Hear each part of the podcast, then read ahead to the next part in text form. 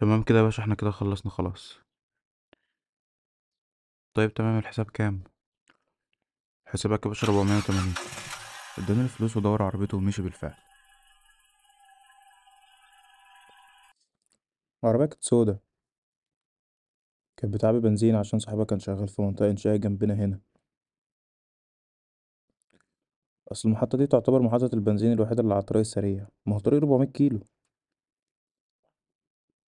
إحنا عندنا محطة البنزين والمحطة التانية بتاعة السولار.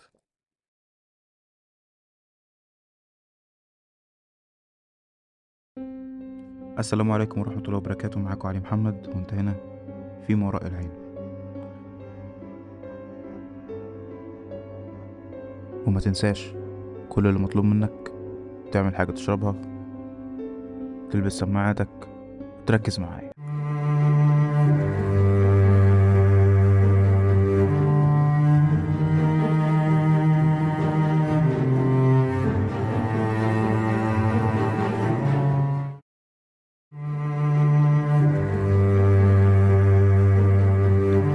آسف يا جماعة. نسيت أعرفكم بنفسي. أنا صفوان عندي أربعة وعشرين سنة. خريج تجارة. وانتهى بيا الحال في محطة البنزين اللي أنا شغال فيها دي. ودي لقيتها بعد تدوير ياما بس مرتبها يا دوب يعني. بس يا دوب أهي مكفية مصاريف مدرسة أخويا ومصاريف أنا وأمي. المشكلة إن المحطة دي يعني في حتة مقطوعة. موضوع إن أنا كنت أروح وأرجع كل يوم 300 كيلو ده كان موضوع صعب ومكلف. فاخترت إني أعيش في الأوضة اللي صاحب المحطة سايبها. هي أوضة تبان إنها صغيرة آه. بس يلا أي حاجة نوفر بيها قرشين وكنت كل أسبوع كده بروح أشقر على أخويا وأمي. والموضوع زي ما أنتوا شايفين كده عربية تيجي وعربية تمشي اللي يقف في الاستراحة شوية بعد كده يمشي. وسيلة التسلية الوحيدة اللي كانت معايا وقتها يعني كانت الراديو.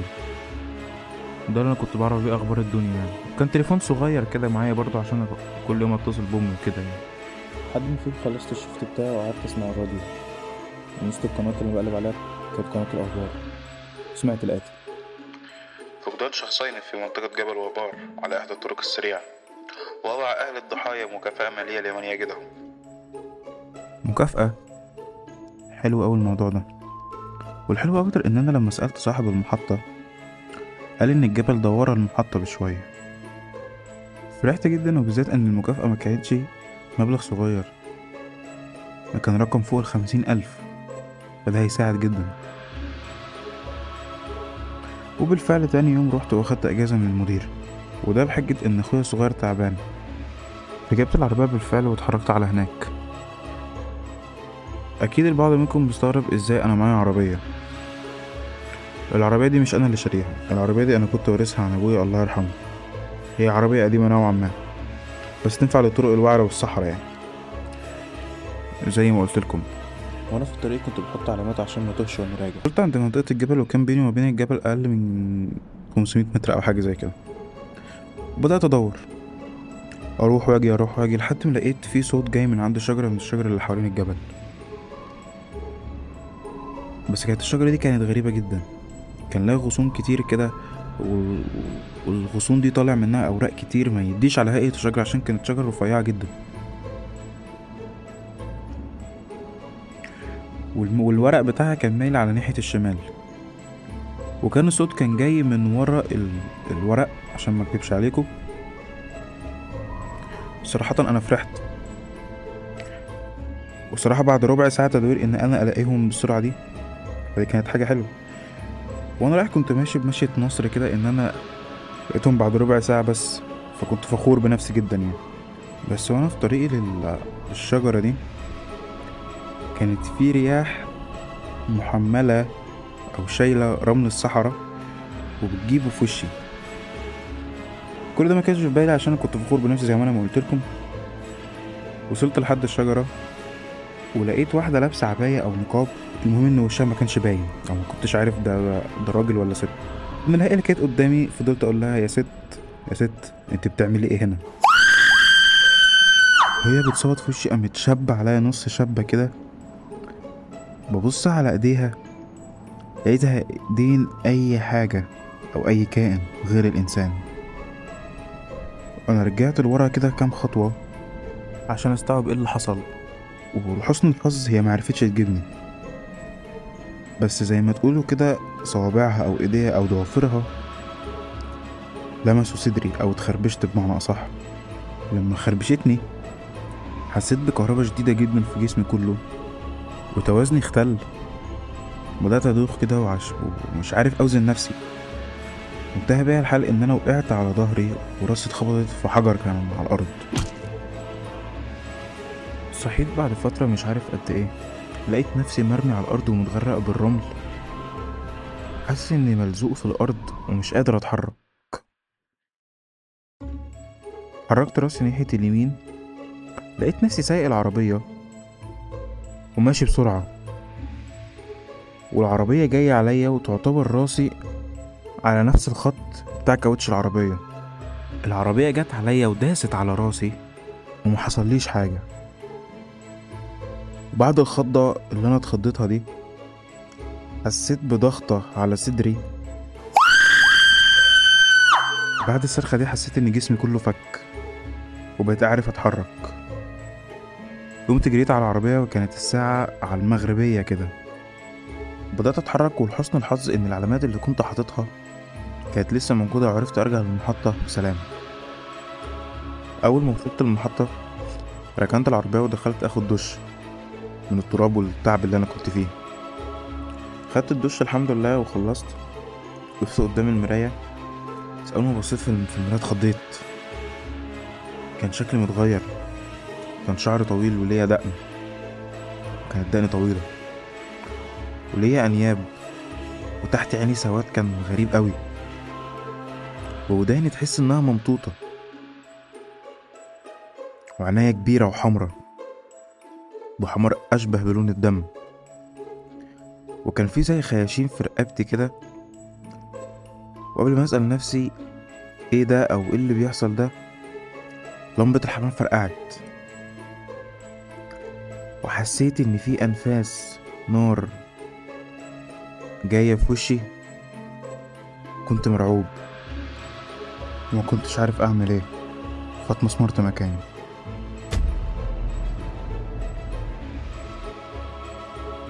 بعد مدة من الوقفة دي بقيت عارف أتحرك. طلعت طلعت من الحمام أجري وأول ما طلعت على المحطة برا لقيت صاحبي محمود واقف. فقلت له محمود شكلي في حاجة غريبة. قال لي في إيه يا عم صفوان؟ لا شكلك عادي ما تخافش في إيه يعني؟ سبت محمود ومشيت ودخلت الأوضة بتاعتي. وأول ما دخلت رميت نفسي على السرير وحلمت. وحلمت بنفس الست اللي شفتها تحت الشجرة. بس كان في صوت أنين جاي منها. بس كان في صوت أنين جاي منها. وبعد الأنين ده لاحظت إنها بدأت تتكلم. بتقول ما عملتش حاجة عشان تقتله بس أنت قتلته. وأنا ما عملتلكش حاجة عشان تقتله بس انت قتلته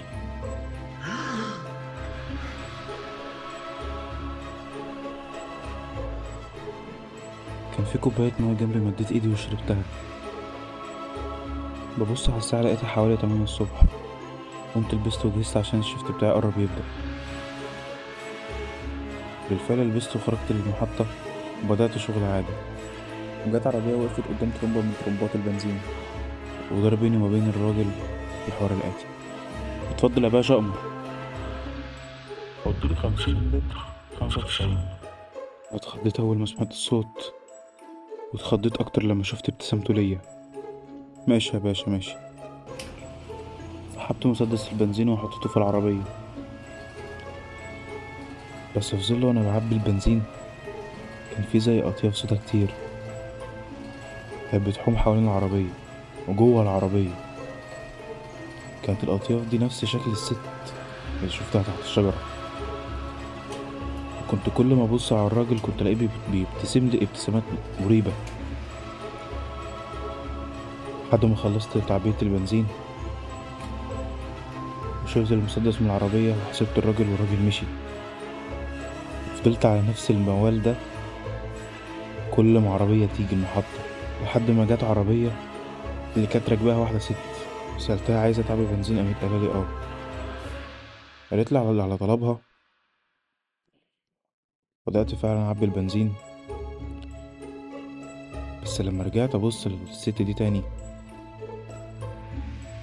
لقيت نفس الست اللي شفتها تحت الشجرة.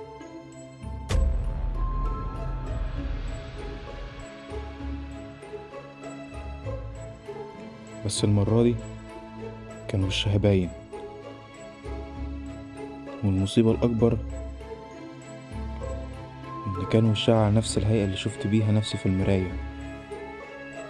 نفس الشعر الطويل والعينين الحمرا حتى الخياشيم اللي كان شكلها غريب. كانت بتبصلي وبتبتسم ابتسامة مرعبة. وأنا ما كنتش عارف أعمل إيه. فضلت تضحك وأنا واقف برتعش في مكاني. لحد ما خلصت مشيت. ومشيت. فوقت وأنا صاحب المحطة عمال يرش على وش مية ومش عارف أنا إيه اللي حصل لي. بعد ما فوت بس بسأل اللي حواليا. فوقت وسألته هو إيه اللي حصل. رد وقال أنا كنت خارج من الحمام. ولقيتك بتقع من طولك. فجريت على الاستراحة عشان أجيب لك يعني مية رشها على وشك عشان تفوق. أنت مالك يا ابني؟ أنت كويس؟ فيك حاجة؟ رديت عليه وقلت له أنا والله ما أعرف إيه اللي بيحصل لي ده يا حاج أحمد. أنا بقالي فترة في حاجات غريبة بتحصل لي. مش فاهم إيه اللي بيحصل لي ده من إيه. بدأت أحكي له اللي حصل. رد وقال بص يا ابني اللي بيحصل لك ده ممكن يكون مس من حاجة.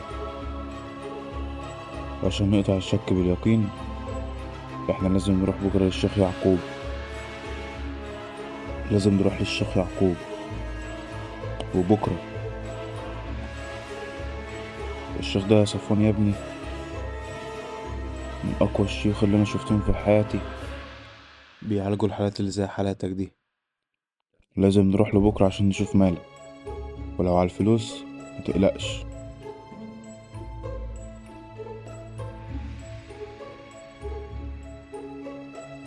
محمود صاحبي لما سمع اللي حصل ده قال إن هو يعمل معايا الواجب. وقرر إن إحنا لما يجي الليل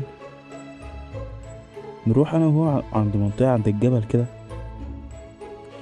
بس مش في نفس منطقة الجبل يعني. وجهزنا الشيشة والشاي. وولعنا النار بتاعتنا. وبدأنا نتكلم وكل واحد فينا يحكي عن ماضيه ومواقف بتاعته وذكرياته وما شابه يعني. عادات الصحاب العادية. الذكريات حلوة برضه يا صفوان محمود. محمود أنت مالك في إيه؟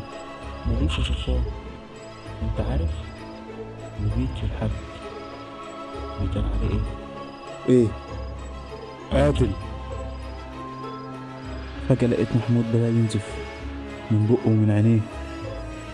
بدأ يرتعش المرة دي صاحبك المرة الجاية حد عزيز عليا ساعتها أنا فهمت إنها هي. أول حاجة أنا قررت أعملها أنا خدتها جري لحد المحطة. أول حاجة عملتها أول ما وصلت خبطت على المكتب بتاع الحاج أحمد صاحب المحطة عشان أحكي له اللي حصل. وبالفعل حكيت له اللي حصل. وقلت له لازم نروح دلوقتي للشيخ يعقوب اللي أنت قلت عليه.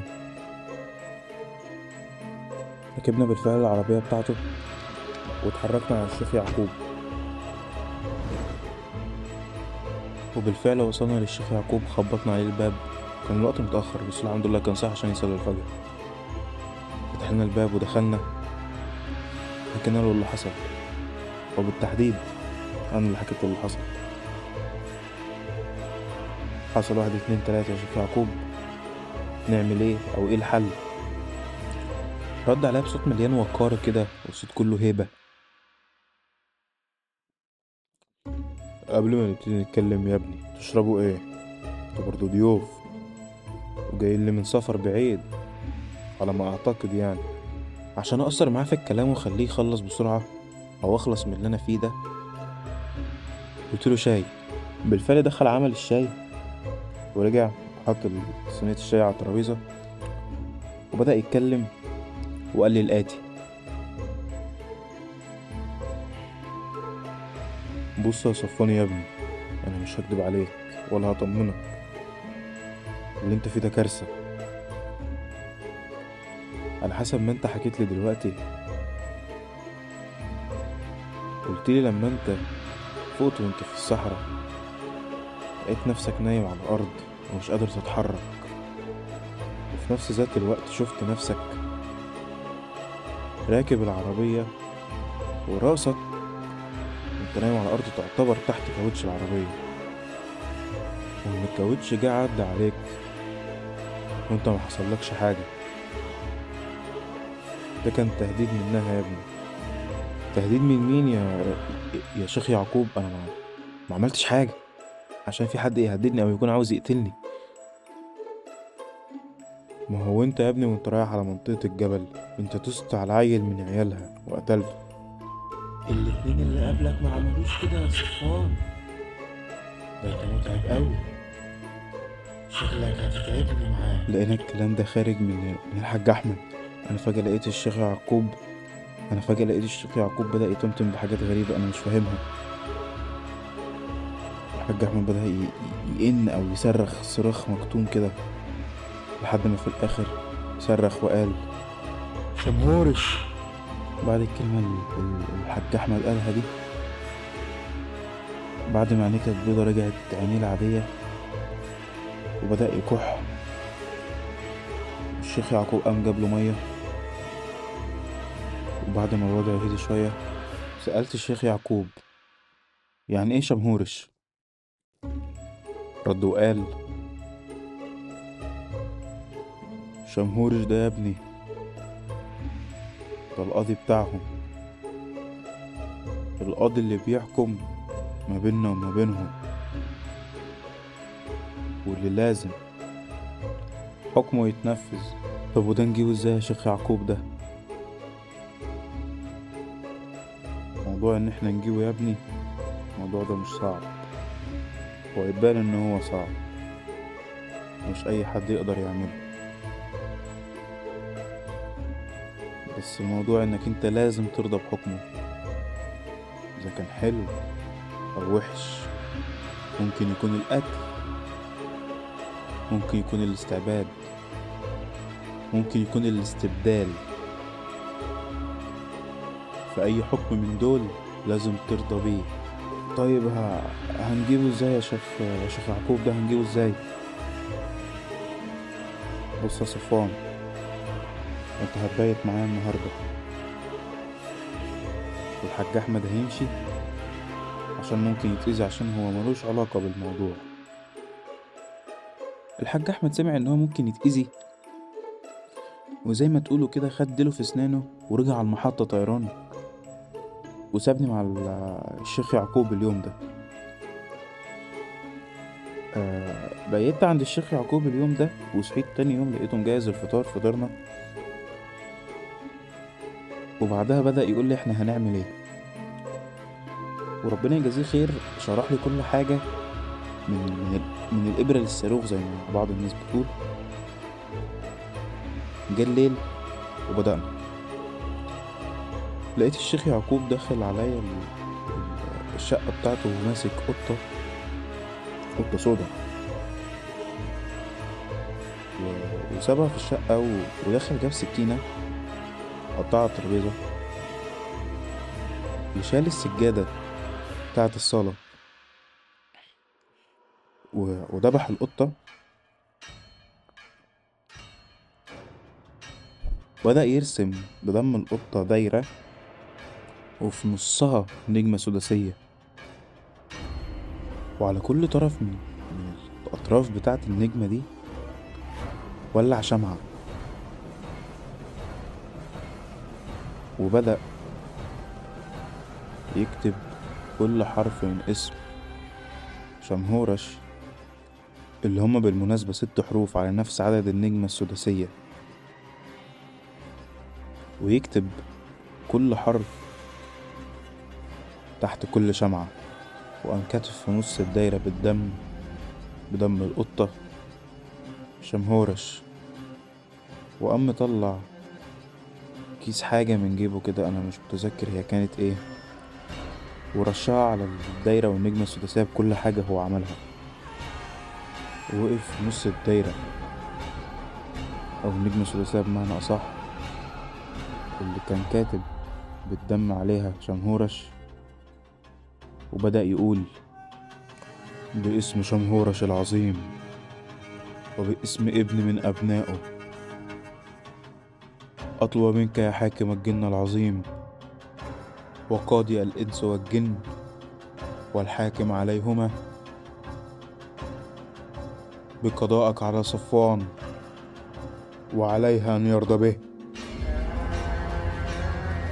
فجأة لقيت الشيخ يعقوب عينيه عينيه بتغرب وبتبيض بدأ يترفع من مكانه. الدم اللي على الأرض بدأ يشع منه ضوء غريب. أشبه للون الذهبي. وبدأت الأرض تتهز. والكتب تقع من على الرفوف. وفجأة أعجبتك. لقيت صوت حد تاني غير صوت الشيخ يعقوب. هو اللي بيتكلم. فساعتها زي ما كان الشيخ يعقوب قال لي إن هو هيكون حاضر في جسمه. بدأ يكلمني وقال هل عندك مبررات لما فعلت بها وبولدها؟ رديت عليه وقلت له أنا ما عملتش حاجة. أنا سمعت إعلان في الراديو إن في مكافأة وأنا وأنا ظروفي صعبة. فرحت على منطقة الجبل عشان أدور عليهم. وحصل اللي حصل أنا ما أعرفش حاجة. أنا والله ما عملت حاجة. فعليك بأخذ مكان من قتلت. يعني إيه يا واد حسان يعني أخوك صفوان مات. ومات إزاي؟ وليه؟ ومين اللي قتله؟ لا ما ماتش يوم هو عايش في مكان تاني بس مش معانا.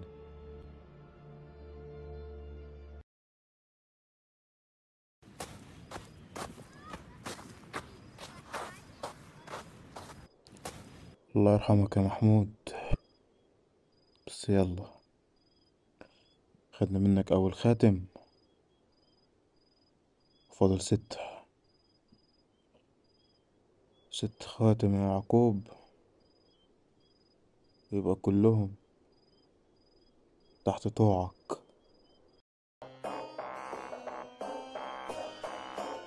وبس كده. أتمنى تكون قصة النهاردة عجبتكم. ولو عجبتك متنساش تعمل like و subscribe وتش- وتشير لأصحابك.